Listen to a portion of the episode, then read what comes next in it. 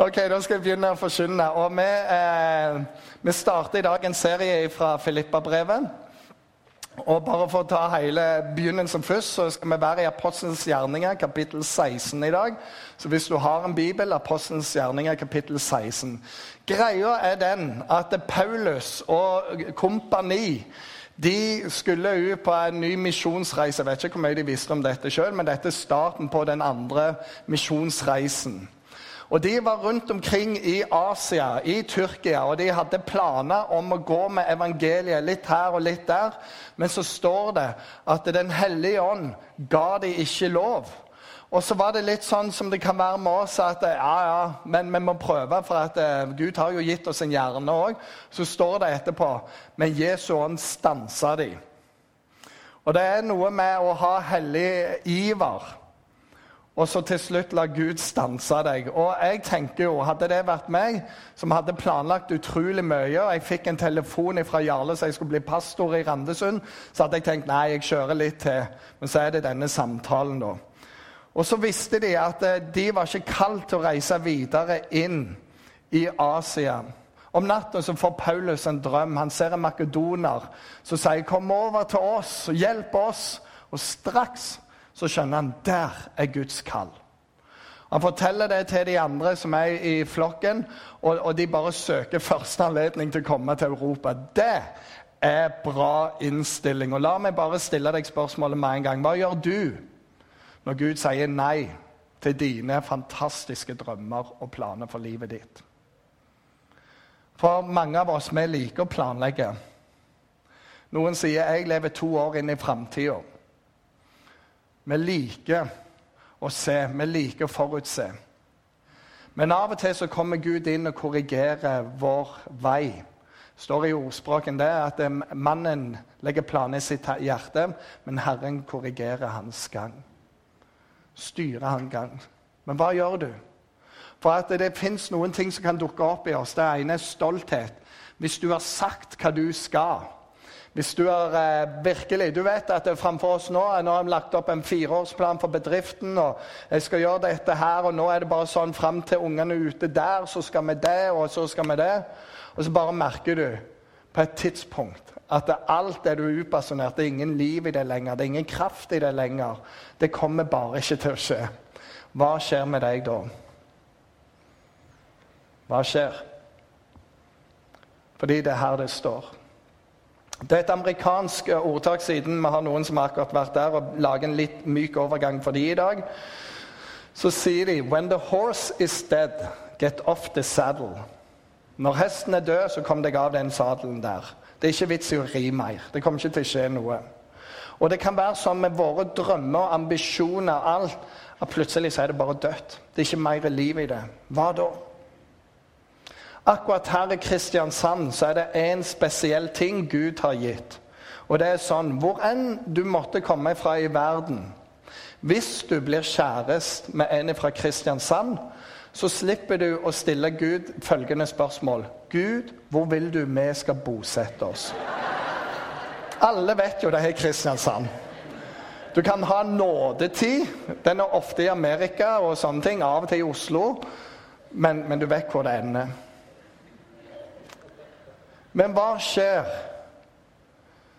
spesielt her ute, når oljeeventyret ikke ble helt sånn som det var? Og de til og med i Fevennen skriver folk må være villige til å flytte til andre byer i Norge for å få jobb. Da rakner noe. Det var ikke sånn livet skulle være. Det var ikke dette som var meninga.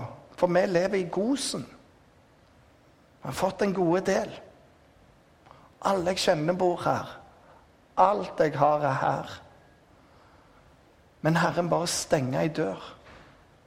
Hvis du sier det er Herren som gjør Nei, det er ikke sånn jeg mener.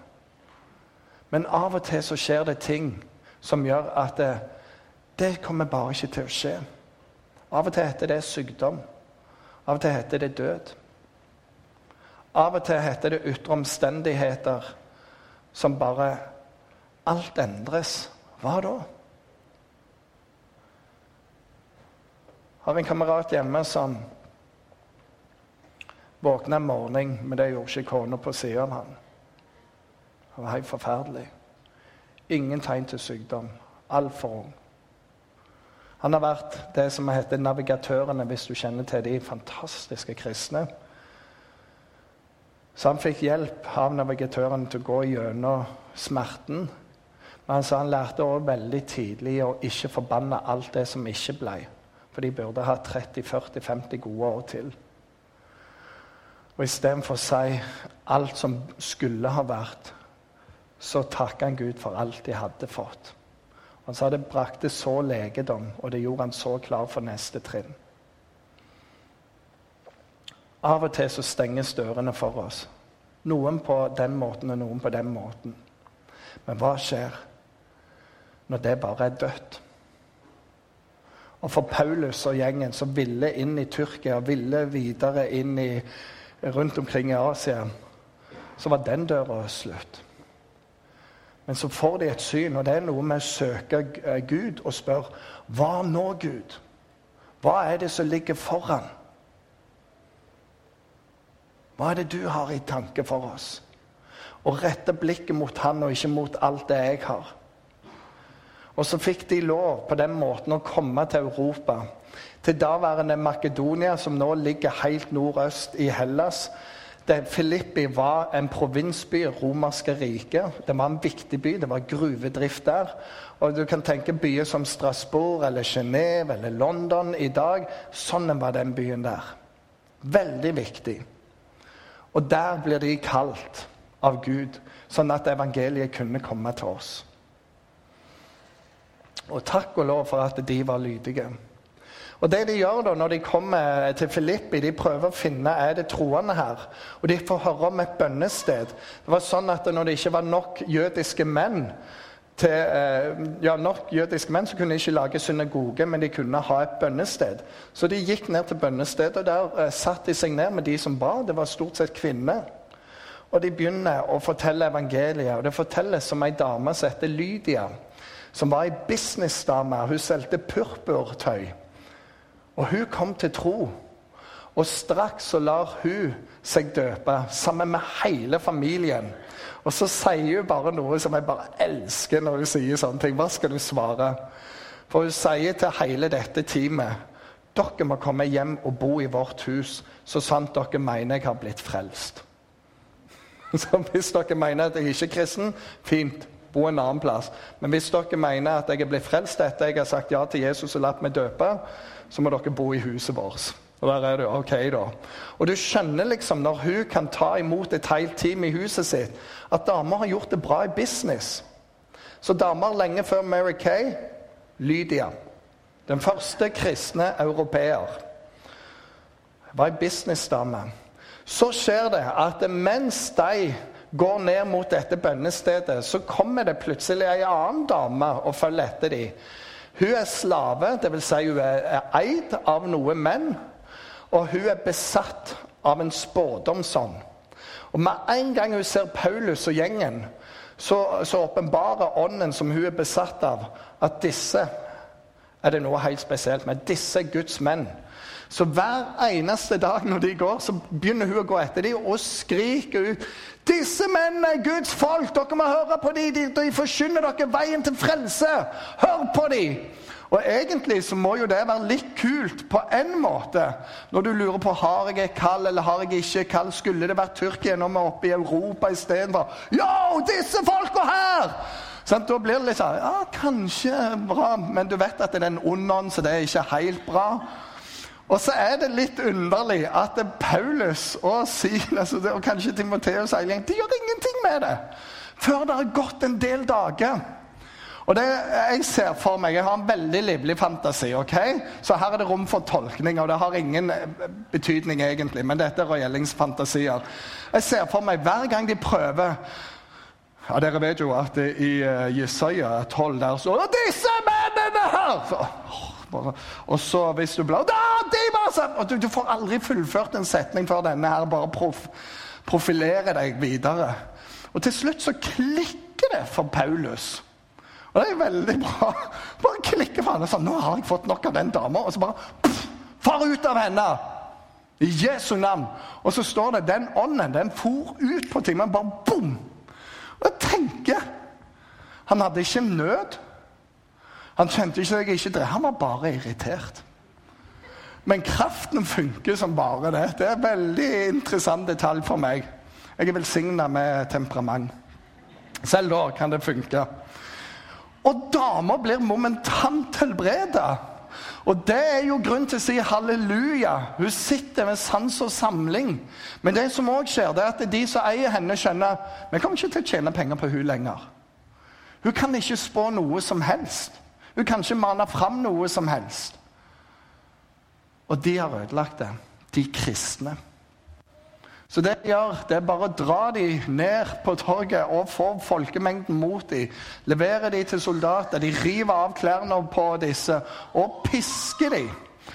Og fangevokter får beskjed om bare vokt disse godt og inn i det innerste fangehull. Så mye for å vise Guds kraft. Det er ikke alltid det er halleluja rundt deg når du går på Herrens ord. Bare så du vet det. Jesus sa det. Har de hata meg, så kommer de til å hate dere. Og det fikk de oppleve. Fra tegn, under og mirakler inn til det innerste fangehullet. Og der sitter de.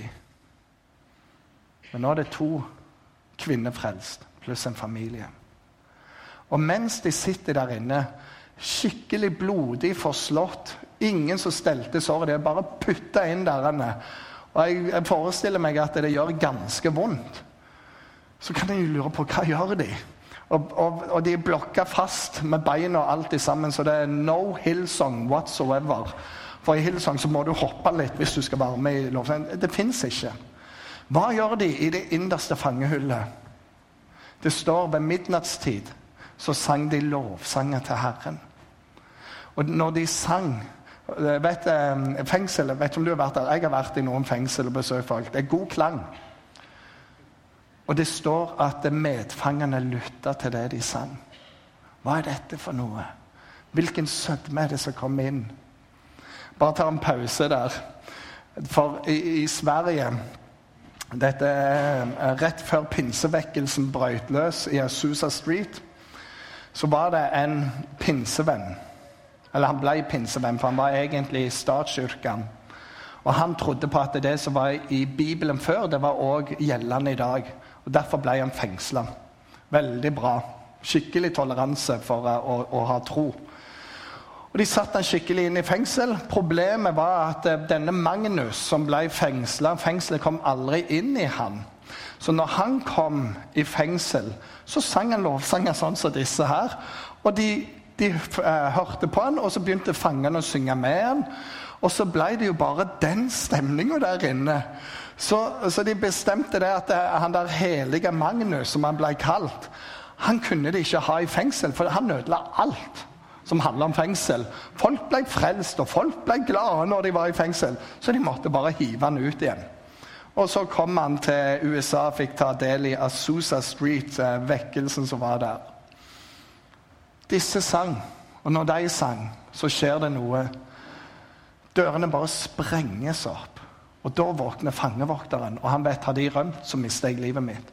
Så han er klar til å drepe seg sjøl. Og Paulus roper ut til ham, 'Ikke ta livet ditt, vi er her alle mann.' Og han ber meg lykke, kom inn og ser, der er de. Og så skjønner han at det er Paulus og gjengen. Det er noe med, Så han får de av blokken, drar de ut av fengselet, og så spør han hva kan jeg gjøre for å bli frelst. Og så står det i den sene nattetimen så tar han de med hjem, steller såret deres, og hele familien hans kommer til tro. Den første menighet i Europa jeg skal bare summere opp litt. Ei businessdame, besatt slavekvinne og en romersk offiser. Eller en fangevokter, beklager. Og Av og til så kan vi tenke, og kanskje menn mer enn damer Menighet er jo ikke helt meg, vet du. Jeg passer ikke inn. Hvem av de tre passer inn? Det er det som er så unikt, det er at det er Jesus som er sentrum av menigheten. Ikke meninger, ikke åndelighet, ikke form og uttrykk, men Jesus. Og det handler om å, få tak i Jesus. Og noen av oss er veldig følelsesmessig involvert og ser det ene og det andre. Andre legger to og to i sammen, og så ble det sånn. Det står det faktisk. Jesus sier det. Du kan ikke tjene to herrer. Da snakker han om penger og Gud. Sier du vil elske den ene og hate den andre. Der har du følelsene.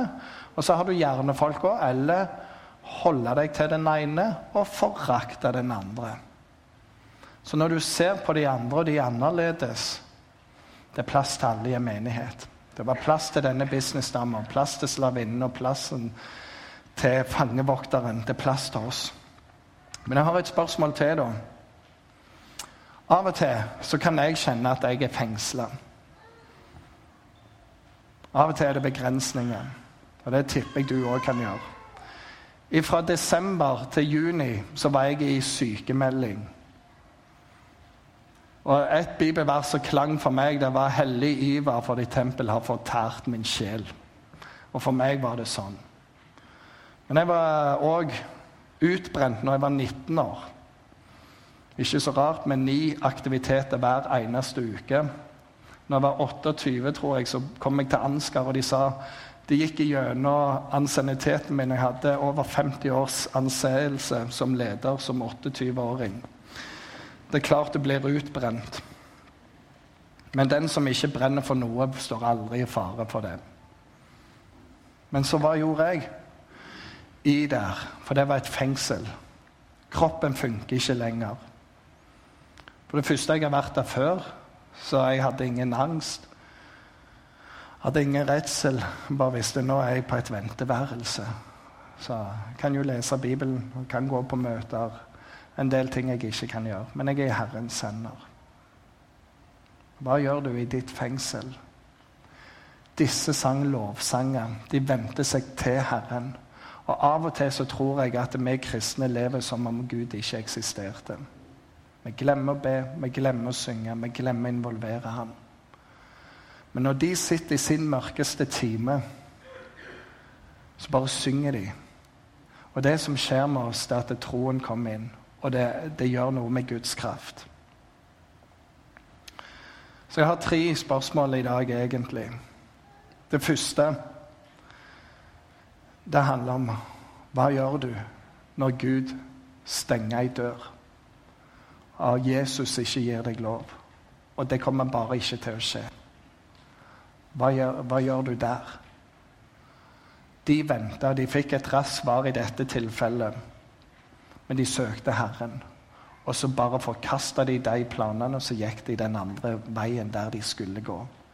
Og her er greia med dette. Av og til så, så forsørger Gud oss med bare å åpne noe nytt. Andre ganger så leder Gud oss videre med å stenge ei dør, så det ikke er mer å gjøre der. Amerikansk igjen siden Frank L. uh, Where God guides, he provides. Hvor Gud leder, så vil han sørge for deg. Og så er det mange som opplever det motsatt. Where God, God guides by stop providing. Han slutter å sørge for deg der. Det som funka bra, det som var kald, det som var sterkt, det er bare over. Hva gjør du der? Det andre er, hvis du egentlig ikke er så åndelig, ikke så flink og sånne ting Den første menigheten i Europa, den var sånn. Det var ikke alt.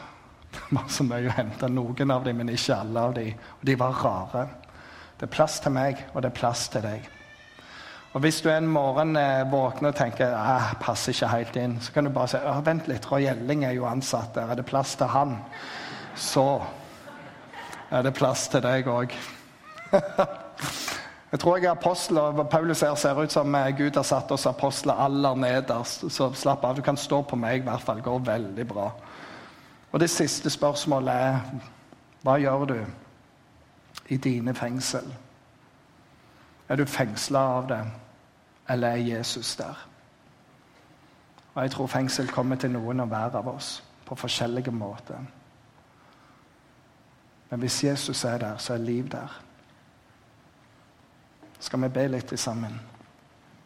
Himmelske Far, jeg takker deg for ditt ord. Ditt ord er et skattekammer. Det fins så mye å, å, ta til seg. Og Jeg takker deg for at når du stengte ei dør, så var det fordi du hadde en plan om noe som var større, noe som var bedre. Og jeg takker deg for dette, fordi vi fikk evangeliet til Europa. Det vil si, vi fikk det til Norge. Det vil si at vi fikk lov å ta imot deg fordi noen var lydig. Herre, jeg ber for oss når dørene stenges. Av og til så føler vi de ikke stenges, de bare slenges igjen. Og det gjør vondt, og det er vanskelig. Så ber jeg for oss alle, hjelp oss å gi alt til deg. Gi drømmen til deg, gi mismotet, gi sinne. Gi alt til deg. Ikke skylde på deg, men å komme til deg og gråte for ditt ansikt. Og så hjelp oss istedenfor å kjefte ut på alt, begynne å spørre Hva nå, Herre? Hva tenker du? Hva har du foran meg? For mine drømmer, de er over. Så vet jeg at du vil lede oss videre inn i det du har. Herre, jeg takker deg for du ser alle de av oss som ikke føler seg så åndelige eller så gode, eller mestrer alt dette her. Den første menighet i Europa de var rare. Og det er plass til oss òg. Og Jesus, du, du, døde for din menighet. Herre, hjelp oss å være i menigheten med alt som vi bærer på. Og til slutt, Herre, så ser du at det, det er andre ting òg som treffer oss i livet, og plutselig så kjenner vi oss fengsla inni tankene våre, inni fysikken, inni erfaringer, hva det måtte være.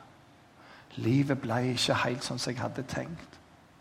Herre, i de rommene der så ber jeg igjen om at du må få lov å være sentrum. At du skal bære oss. At vi kommer til deg og av og til våger å synge en lovsang til og med. Hjelp oss å be. Og så vet vi gjennom Bibelen og gjennom den kristne historie at vi ser så mange eksempler på hvordan du griper inn og forandrer den. Vi skal være bitte litt i bønn til. Lovsangsteamet er oppe, men de ser ikke. De, de lukker øynene, og vi andre lukker øynene eller ser ned foran oss. Så tror jeg at det er sånn at disse temaene de rører noen mer enn andre.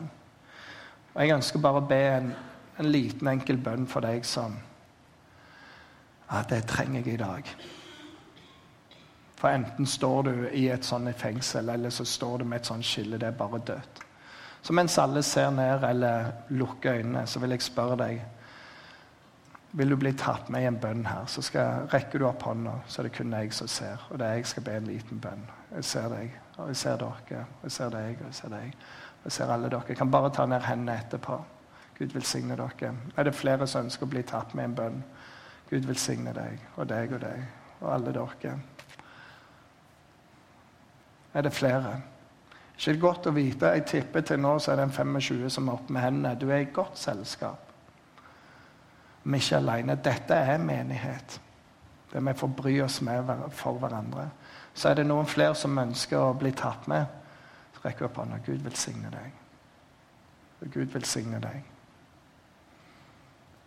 En av grunnene til vi gjør dette, det er at du etterpå, hva enn du måtte føle eller ikke føle, kan si 'Gud, jeg rakk opp min hånd for deg'. Du så meg. Du så hjertet mitt. Så jeg bare spør en siste gang.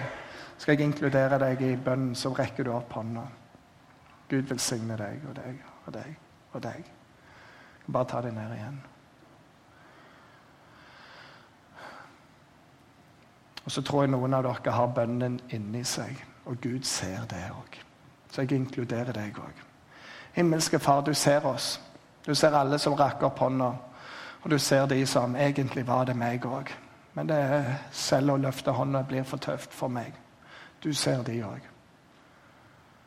Herre, må du velsigne dem, og må du hjelpe dem der de er. Og må de få se at du leder dem gjennom at det fins ei annen side. Herre, jeg ber om styrke en dag om gangen. Og så ber jeg om en åpenbaring òg, Herre. Jeg ber om at eh, alle vi skal løpe i dine armer, Herre. Og bare så bær meg, Herre. Hjelp meg, Herre. Men at vi er hos deg og lar deg trøste oss. I Jesu navn. Amen.